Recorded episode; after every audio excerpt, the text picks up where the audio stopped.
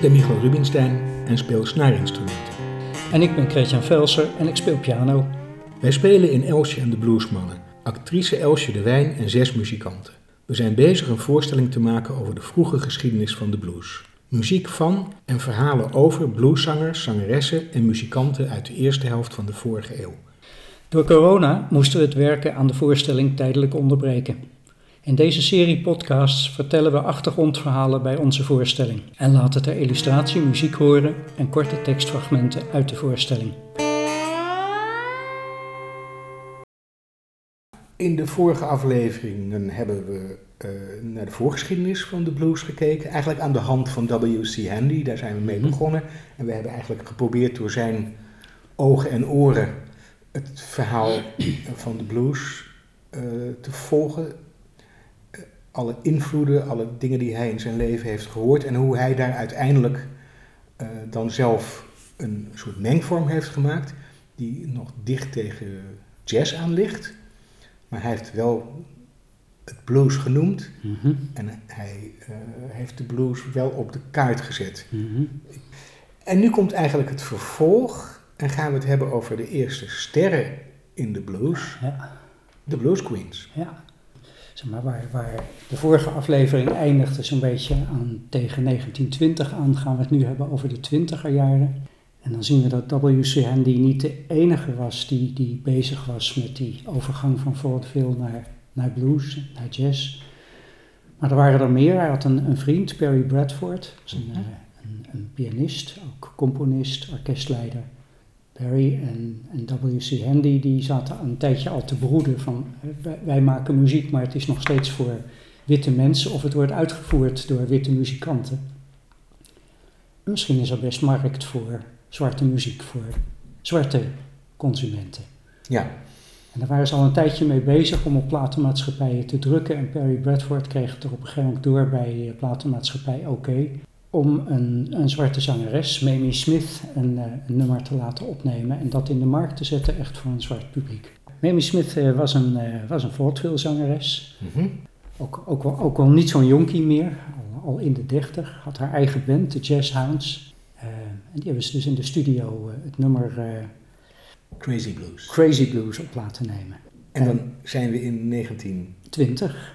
Gaan we eerst naar het nummer luisteren? We gaan eerst naar dat nummer luisteren. Ja.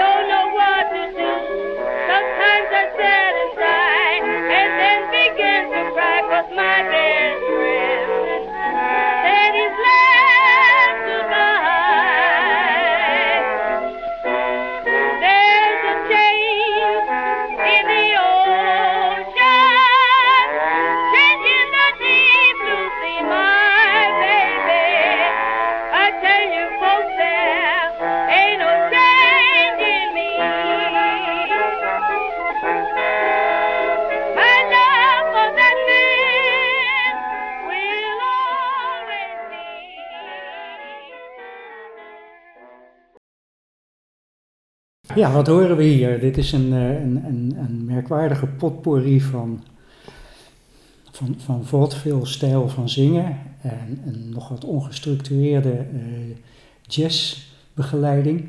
Ja. Um, het klinkt wat chaotisch, maar het gekke is ook bij mij, als ik het nummer nu weer een paar keer draai, dan blijft het echt dagenlang in mijn hoofd zitten. Mm -hmm. En dat werkte kennelijk toen ook, want het was een, een waanzinnig groot succes. Ja.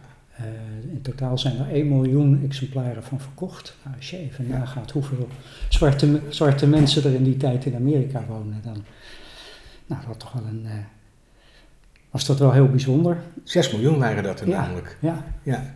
ja. Zo rond de Eerste Wereldoorlog. Dus ja. Dus dat was een wake-up call voor alle andere platenmaatschappijen die dachten van, uh, wow, hier, hier, hier gaat een nieuwe, een nieuwe markt voor ons open. Want dit nummer, denk je, werd alleen gekocht Grotendeels zwart publiek. Ja. Ja. Ja. Dus ook andere eh, platenmaatschappijen die gingen proberen om eh, zangeressen binnen te halen en, en ja, dit, dit succes te kopiëren. Mhm. En er waren natuurlijk heel veel zwarte zangeressen uit die, uit die vaudeville gezelschappen. Er ontstond zelfs een, eh, een, een zwarte platenmaatschappij. Harry Pace was een compagnon van W.C. Handy, daar is hij weer. Ja. Die, hadden, die hadden samen een, een, een bladmuziekuitgeverij. En die Harry Pace is daar uitgestapt en die heeft het Black Swan Records opgenomen. Met als doel om zwarte artiesten op de markt te zetten. Dat waren de race records, zoals Ja. het genoemd werd. Ja, maar ook, ook de andere platenmaatschappijen die Ja. openden een aparte catalogus met race records. Ja. 78 tourplaten allemaal. Ja, ja. Moeten we vooral eventjes voor ogen houden. Ja, van die, ja met, ja. met een zeer slechte geluidskwaliteit. Ja. Dus die W.C. Handy, die blijft wel Die blijft een rol spelen. Nou ja, hij blijft niet terug. Hij, hij heeft denk ik echt op de achtergrond een rol gespeeld. Misschien in het lanceren van artiesten. En zeker ook in de nummers die ze opnamen, denk ik. Mhm. Want die St. Louis Blues die heeft, is door heel veel mensen opgenomen. Heel veel vrouwen ook. Ja, we komen ja. straks bij de zangeres, die, de eerste zangeres die Ja. het heeft opgenomen. Ja. En die Mamie Smith, die, die had dus die hit gemaakt. Ja, En, en, eh, en, en die heeft dan nog een paar gemaakt, maar het duurde maar heel kort voor haar. Echt Mhm. tot, tot, eh, tot 1923. maar in die tijd was het ook hevig vlammen. Ze toerde door, eh, door Amerika en ook door Europa. ja. ze had een eigen revue. Maar ze werd al snel overschaduwd door, door andere zangeressen. Want er kwamen er in haar kielzog kwamen er echt tientallen. En, en die, in de jaren twintig hebben die tientallen zangeressen duizenden opnamen gemaakt. En dat was echt een, een miljoenen omzet voor die platenmaatschappijen. En ze worden Blues Queens genoemd, als een Ja, soort omdat elkaar, hè, de W.C. Handy was de father of the blues. En ja, ze gingen zichzelf ook allemaal van dat soort namen geven. Dus je kreeg de mother of the blues. Mhm. En je kreeg de Queen of the Blues en je kreeg de Empress of the Blues en je kreeg de Queen of the Modern Monars. Mhm. En ja, de verzamelnaam werd dus de, de Blues Queens. Ja. Toen ook al, hè? die naam werd toen ook Die gebruikt. werd toen ook al gebruikt. Ja, en Mamie Smith die, die, die raakte dus op de achtergrond en die heeft nog in een aantal films gespeeld en is eind twintiger jaren in de vergetelheid geraakt en in 1946 overleden in grote armoede.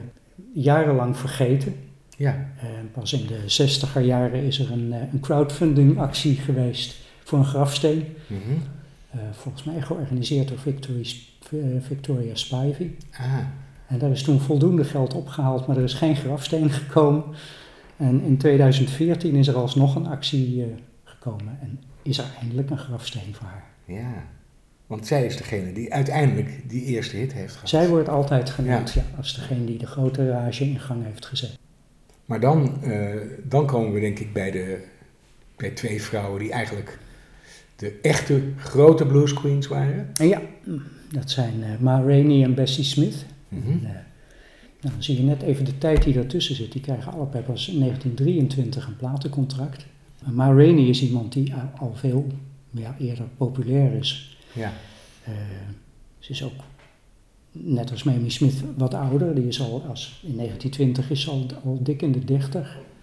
Nou, even iets over de geschiedenis. Hè. Dus echt zo'n typische eh, geschiedenis van, van, van die vaudeville zangeressen, uit- vaudeville zangeressen uit die tijd. Mhm. Ze zingt in de kerk al vanaf 12-jarige leeftijd. Ze trouwt met eh, Will Rainey als ze 18 is. Ook een muzikant. Ze noemen zichzelf eh, Ma en Pa Rainey. En ze toeren in het zuiden van Amerika met eh, diverse tentshows en vaudeville gezelschappen. Met als bekendste de, de Rabbit Foot Minstrels. Mhm. Later hebben ze een band, The Assassinators of the Blues. Schitterende naam. Dat is een mooie naam, hè? maar Ja. dat is ook dus al voordat W.C. Handy met blues op platen komt, Gebruiken zij het gebruiken woord zij, dit, gebruiken zij dat Het woord. hing al in de lucht. Ja. Ja. En ze spelen met allerlei muzikanten die dan nog niet bekend zijn, maar het later wel worden, zoals Louis Armstrong en Sidney Bechet en Mhm. Thomas Dorsey. Ja. Die de, de leider van, pianist en leider van haar band is. Ja, en jazz en blues liggen nog heel dicht bij elkaar in die tijd. Het heeft eigenlijk eerst nog geen naam. Mhm. En als dan later aan haar gevraagd wordt waar ze, waar ze de blues vandaan heeft. Dan komt ze met net zo'n soort verhaal als W.C. Handy heeft op, over dat verhaal op dat stationnetje. Dan zegt ze dat ze ooit ergens tijdens een optreden een eenvoudige vrouw heeft horen zingen.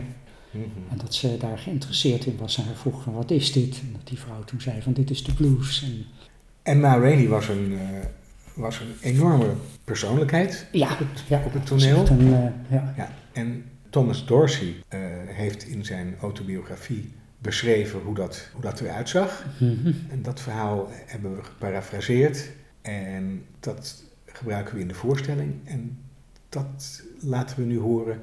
Dus we gaan luisteren naar eh, Elsje de Wijn, die het verhaal vertelt over hoe Ma Rainey opkomt. Ja. Dat is een bijzonder verhaal. En daarna horen we haar zelf met het nummer, wat ook genoemd wordt in dat verhaal. De Moonshine Blues. Ja. En de Moonshine Blues gaat over. gaat over, eh, ja, even een stukje tekst. I've been drinking all night, babe, and the night before. But when I get sober, I ain't gonna drink no more. Cause my friends left me standing in my door. You'll find me reeling and rocking, howling like a hound. Catch the first train that's running southbound. Southbound. Ja, dus ze zit kennelijk in het noorden. Ja, en ze kwam uit het zuiden. En ze kwam uit het zuiden. Ja. En moonshine is Zelfgestookte drank. zelfgestookte drank. En ze zingt My Friends Left Me. En dat kan een man zijn, maar het kan bij Ma Rainey ook wel degelijk een, Een vrouw vrouw zijn. zijn. Ja, ook wel eh, voor die tijd heel expliciet. Nou, we gaan eh, luisteren. Stelt u zich voor, we zijn in het Grand Theater in Chicago in 1924. Het huisorkest zet het openingsthema in. Dan gaat het gordijn open. De band van Ma Rainey staat op het toneel en neemt de muziek over. Ze spelen de openingsmaten van het eerste nummer, Moonshine Blues. Op het podium staat een nagebouwde, levensgrote Victrola-grammofoon. Een meisje komt het toneel op en legt er een plaat op. Dan begint Ma Rainey te zingen vanuit de grammofoon, waar ze in verborgen zit. Nu komt ze tevoorschijn en staat in de spotlights, gekleed in een glitterjurk en met een halsketting die bestaat uit 5, 10 en 20 dollar munten. Als ze zingt, glinstert haar gouden tand.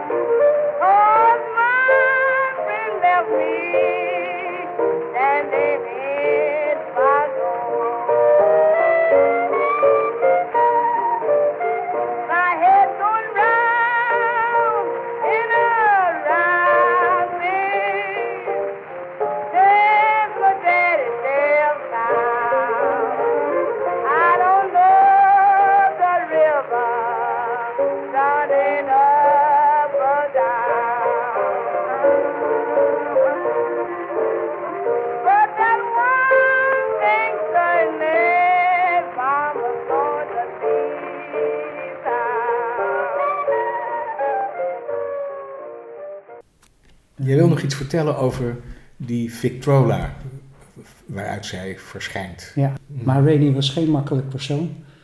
Dat zien we ook in, het, in, het, eh, in, in de tv-bewerking van eh, het toneelstuk wat er is gemaakt. Oeh, dat kan ik even... Ma niet- Rainey's Black Bottom. Ma, Ma Rainey's Black Bottom, ja. Dat was iemand die haar zaken vaak eh, graag allemaal zelf regelde en op haar manier. En als dat niet zo ging, dan ontstak ze in grote woede. En zo ergerde ze zich altijd enorm aan de slechte kwaliteit van haar platen. En als grap had ze dus bedacht dat ze die grote grammofoon op, eh, op het toneel zette. En dat ze daar dan zelf uit tevoorschijn kwam. Zo van, ik kan dit beter. Hmm. Waar gebeurt of niet, Dit is een mooi verhaal. het is een mooi verhaal. Zo is dat. Eh, vertel nog eens wat meer over Ma Rainey. Nou, haar succes duurde tot aan het eind van de jaren twintig. Mhm. Eh, veel hits gehad, ook met nummers die we ook nog steeds kennen vandaag de dag. C.C. Ryder als voorbeeld. Ja. Eh, zoals alle blueszangeressen in die tijd eh, zeer extravagant. Grote, grote kleren, grote hoeden, veel eh, kostuumwisselingen tijdens optredens. Een eigen bus met een naam erop. En, Eigen treinwagon als ze reisden. ja, ja. En, eh, en wat dus echt de trend wordt in die jaren, veel eigen teksten eh ging ze schrijven waarin ze geen blad voor de mand neemt. Mhm. Zoals het nummer Shave 'em Dry, eh, wat, wat niet over gewoon het scheren gaat, maar eh, Mhm. over, over korte nummertjes. Na zo'n 100 platen wordt ze eind 20er jaren door de platenmaatschappij op straat gezet. Dat gebeurt met meer blueszangeressen aan het eind van de 20er jaren. Ze blijft toeren tot, eh, tot in de midden de jaren 30. Dan gaat ze terug naar de geboorteplaats en daar runt ze drie theatertjes Mhm. tot ze heel vroeg, eind 30er jaren, overlijdt. Nou, eh, wij, wij spelen een aantal nummers eh, van haar in onze voorstelling. Maar wij hebben onze eigen Ma Rainey en dat is, dat is onze zanger Fons. Laten we eens gaan horen hoe hij het zingen van blues en specifiek het nummer, het zingen van nummers van Ma Rainey ziet. En daarna horen we een klein stukje van onszelf, een repetitieopname van Moonshine Blues. Naast mij zit eh, Fons Duin, zanger van de Bluesmannen. Ja. Fons, Ja. herinner jij je nog de allereerste bluesplaat die jij ooit hoorde? Die ik ooit hoorde, nou, dat is heel lang geleden. Ik denk dat dat een nummer van Muddy Waters was. Menace Boy. En wanneer was dat? En waar was dat? Die waren nou natuurlijk in Heemscherk. en ik denk op de radio of zoiets. En eh, die, die kreten die iemand slaken op dat moment. Nou, man, dat vond ik fantastisch om te horen. Vond ik krachtig. Ja, dat vond ik leuk. Ja. En later nog eens, eh, dat was een meer eh, rauwere blues van Steve Ray Vaughan. Mijn oma kwam te overlijden, die woonde in Hello. En wij moesten buiten wachten in de auto. En toen hoorde ik toevallig eh, het nummer Tim Penelli van Stevie Ray Vaughan.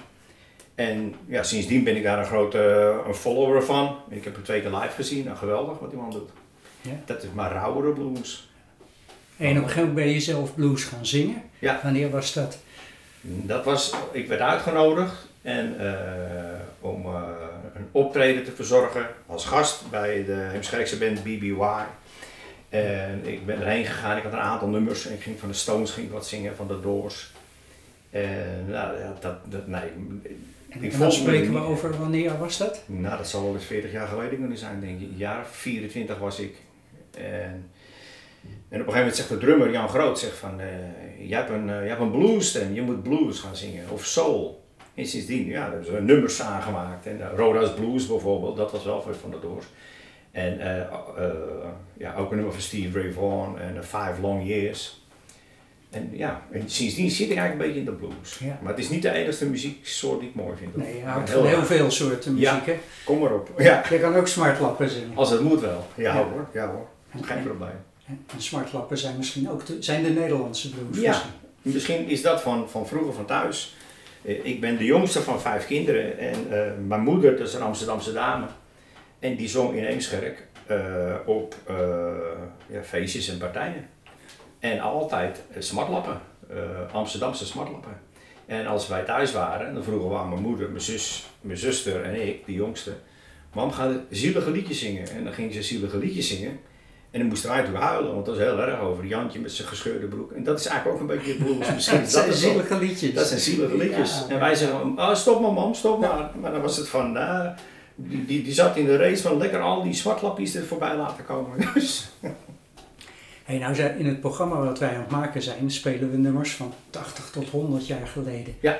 Zijn dat nou curiositeiten voor jou of ga je ook een beetje houden van die muziek? ja, je gaat er wel van houden. Ik, eh, nogmaals, in het begin dacht ik, eh, oude meuk, slecht, opgeno slecht opgenomen, weet je wel.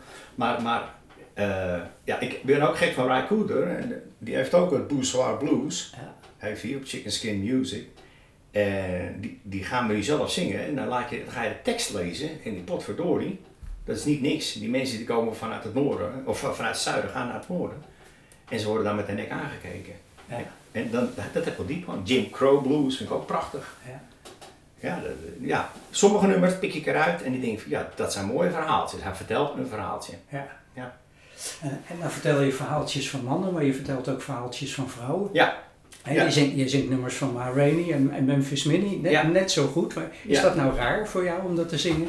nou, het, het, het eindige is, eh, ja, in het begin moet je echt wennen. En toen verdraaide ik het wel eens van, eh, eh, she is standing by the door, naar, maar he is standing by the door. Ik noem maar wat, weet je wel. Dus, en nu laat ik het gewoon zo, want het maakt voor het verhaal niks uit. Het gevoel is hetzelfde. Het gevoel hetzelfde en wie er weggaat maakt ook niet uit. Nee. Eén van de twee. Maar die Ma Rainey, die heeft gewoon een lekkere stem. Om, om, die, heeft, die zingt met uithalen. En eh, misschien dat dat misschien verbindt met het Amsterdamse spatlappen, maar eh, eh, dat dramatische Amsterdam.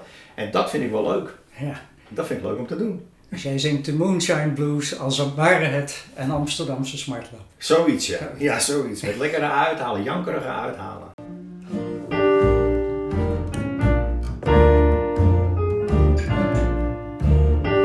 I've been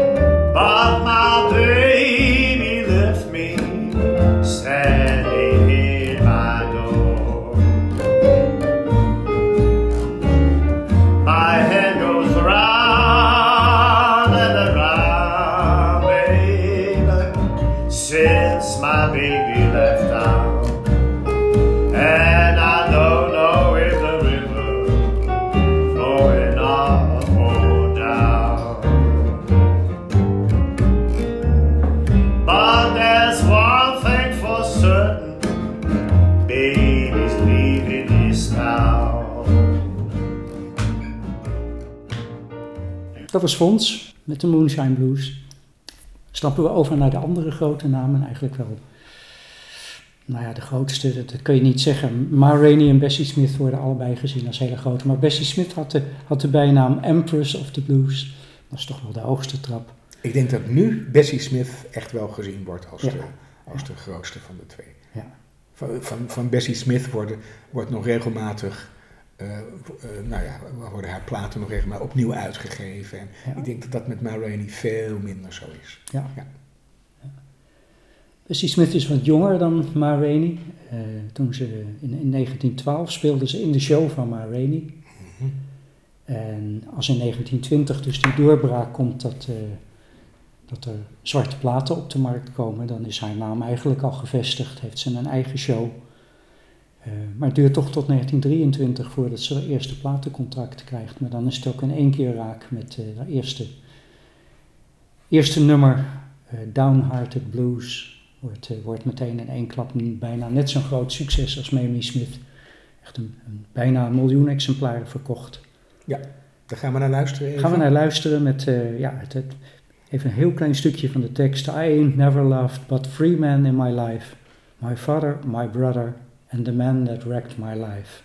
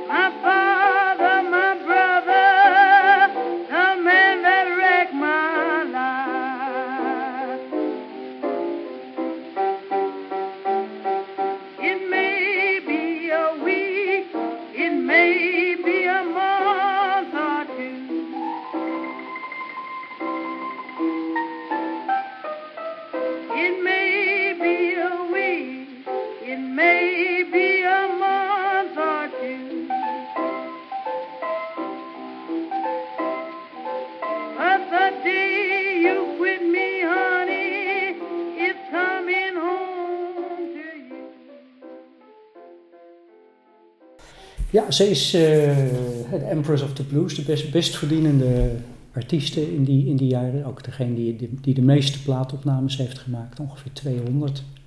Eh, ze heeft 12 hits eh, in, in, de, in de twintiger jaren.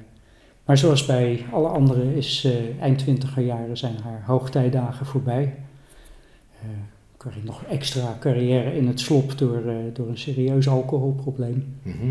Ze probeert nog wel filmster te worden, ze probeert een overstap te maken naar de jazz, maar dat is allemaal weinig succesvol. En in 1937 komt ze heel dramatisch eh, aan haar eind door een auto-ongeluk. Ja, Van die, van, die, van die filmperiode is op YouTube is, is eh, een stukje te zien eh, van een film waarin ze de St. Louis Blues zingt. Nou, dan kun je haar ook een beetje als een dramatische filmster zien. Mooi filmpje. En misschien ook wel leuk om dat nummer nog even te laten horen. Nummer met een, een, een glansrol ook voor Louis Armstrong.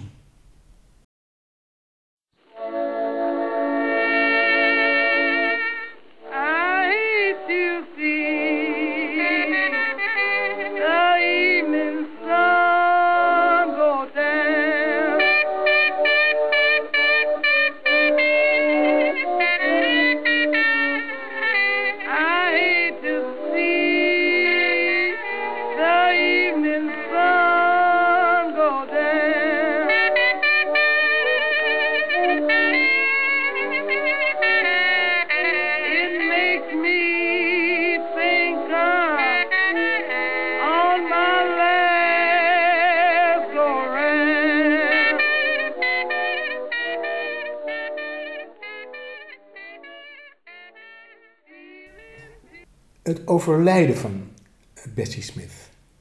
Eh, dat heb ik altijd ja. gelezen dat het een dramatisch verhaal was, hoewel ook weer niet helemaal zeker is hoe het is gegaan.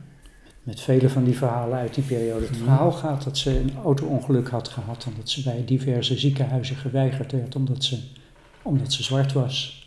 Oh ja, En dat ze uiteindelijk terecht kwam in een klein streekziekenhuis waar haar arm of been geamputeerd is. eh, in coma is geraakt en daar niet meer uit bij is gekomen. Hmm. En dat ziekenhuis is nu een hotel, of het, was, het is een hotel geworden. Dat is eigenlijk, ja, model staat voor het Riverside Hotel. Dat was ook de naam van dat hotel waar wij nu het, eh, waar wij onze voorstelling op spelen. Mhm. En het is nu een museum. Ik ken het verhaal iets anders. Kijk. Eh, in de zin dat er een ambulance kwam Ja. en die weigerde haar mee te nemen. Oh, oké. En toen eh, moest ze dus langer liggen op de plek van het ongeluk, Ja, tot er een ambulance kwam, speciaal voor Afro-Amerikanen. nou zie je maar. Ja. Verschillende verhalen dus. Ja. Oké. In ieder geval staat het model voor de positie van, van zwarte mensen in Amerika in die tijd, hoe succesvol ook. Want Bessie Smith was, was natuurlijk een ster, maar Ja.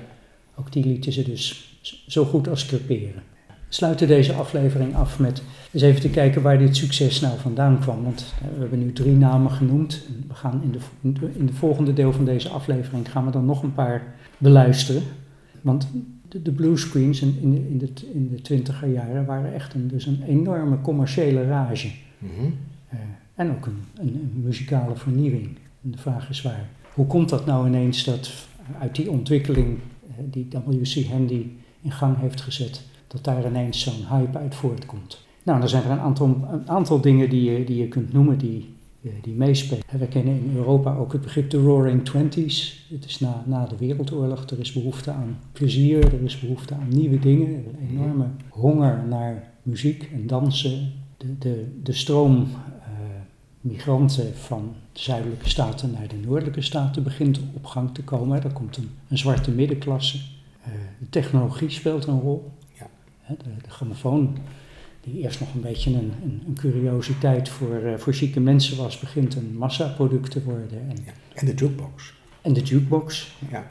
En platen kun je zelfs meerdere keren spelen. Die zijn niet na drie keer alweer versleten. Mhm. Eh, nou, je hebt dus de hele voorgeschiedenis die we in de vorige aflevering hebben beschreven. Hè, van vo- vaudeville eh gezelschappen waar een, een enorm arsenaal zwarte artiesten eigenlijk klaar staat om de markt op te gaan. Hey, en, en de muziek die we tot nu toe gehoord hebben, dat is dus behoorlijk jazzachtige muziek. Ja, Met blazers erbij, ook hele, hele bekende, eigenlijk allemaal jazz, eh, ja. jazzartiesten, hè? de, de Ja. orkesten. Louis Dus- Armstrong, Duke Ellington komen Ja. we tegen. Fletcher Henderson. Fletcher Henderson, ja, Ja. Count Basie. Ja. Dus, dus, de, dus de blues is dan nog, eh, ja, en de jazz zitten dan heel Die zitten eigenlijk totaal dicht. aan elkaar vastgeklonken nog in die tijd. Ja, En, en die jazznamen, die, daar denken we nu aan van dat zijn allemaal grote namen, maar dat waren in die tijd waren dat nog net zulke onbekende mhm. en opkomende artiesten als, eh, als de blueszangeressen. Hey, en in de, in de volgende aflevering gaan we dan praten over de wat minder bekende blues queens. En ook hoe de muziek zich verder ontwikkelt. Ja, Ik ben benieuwd. ja.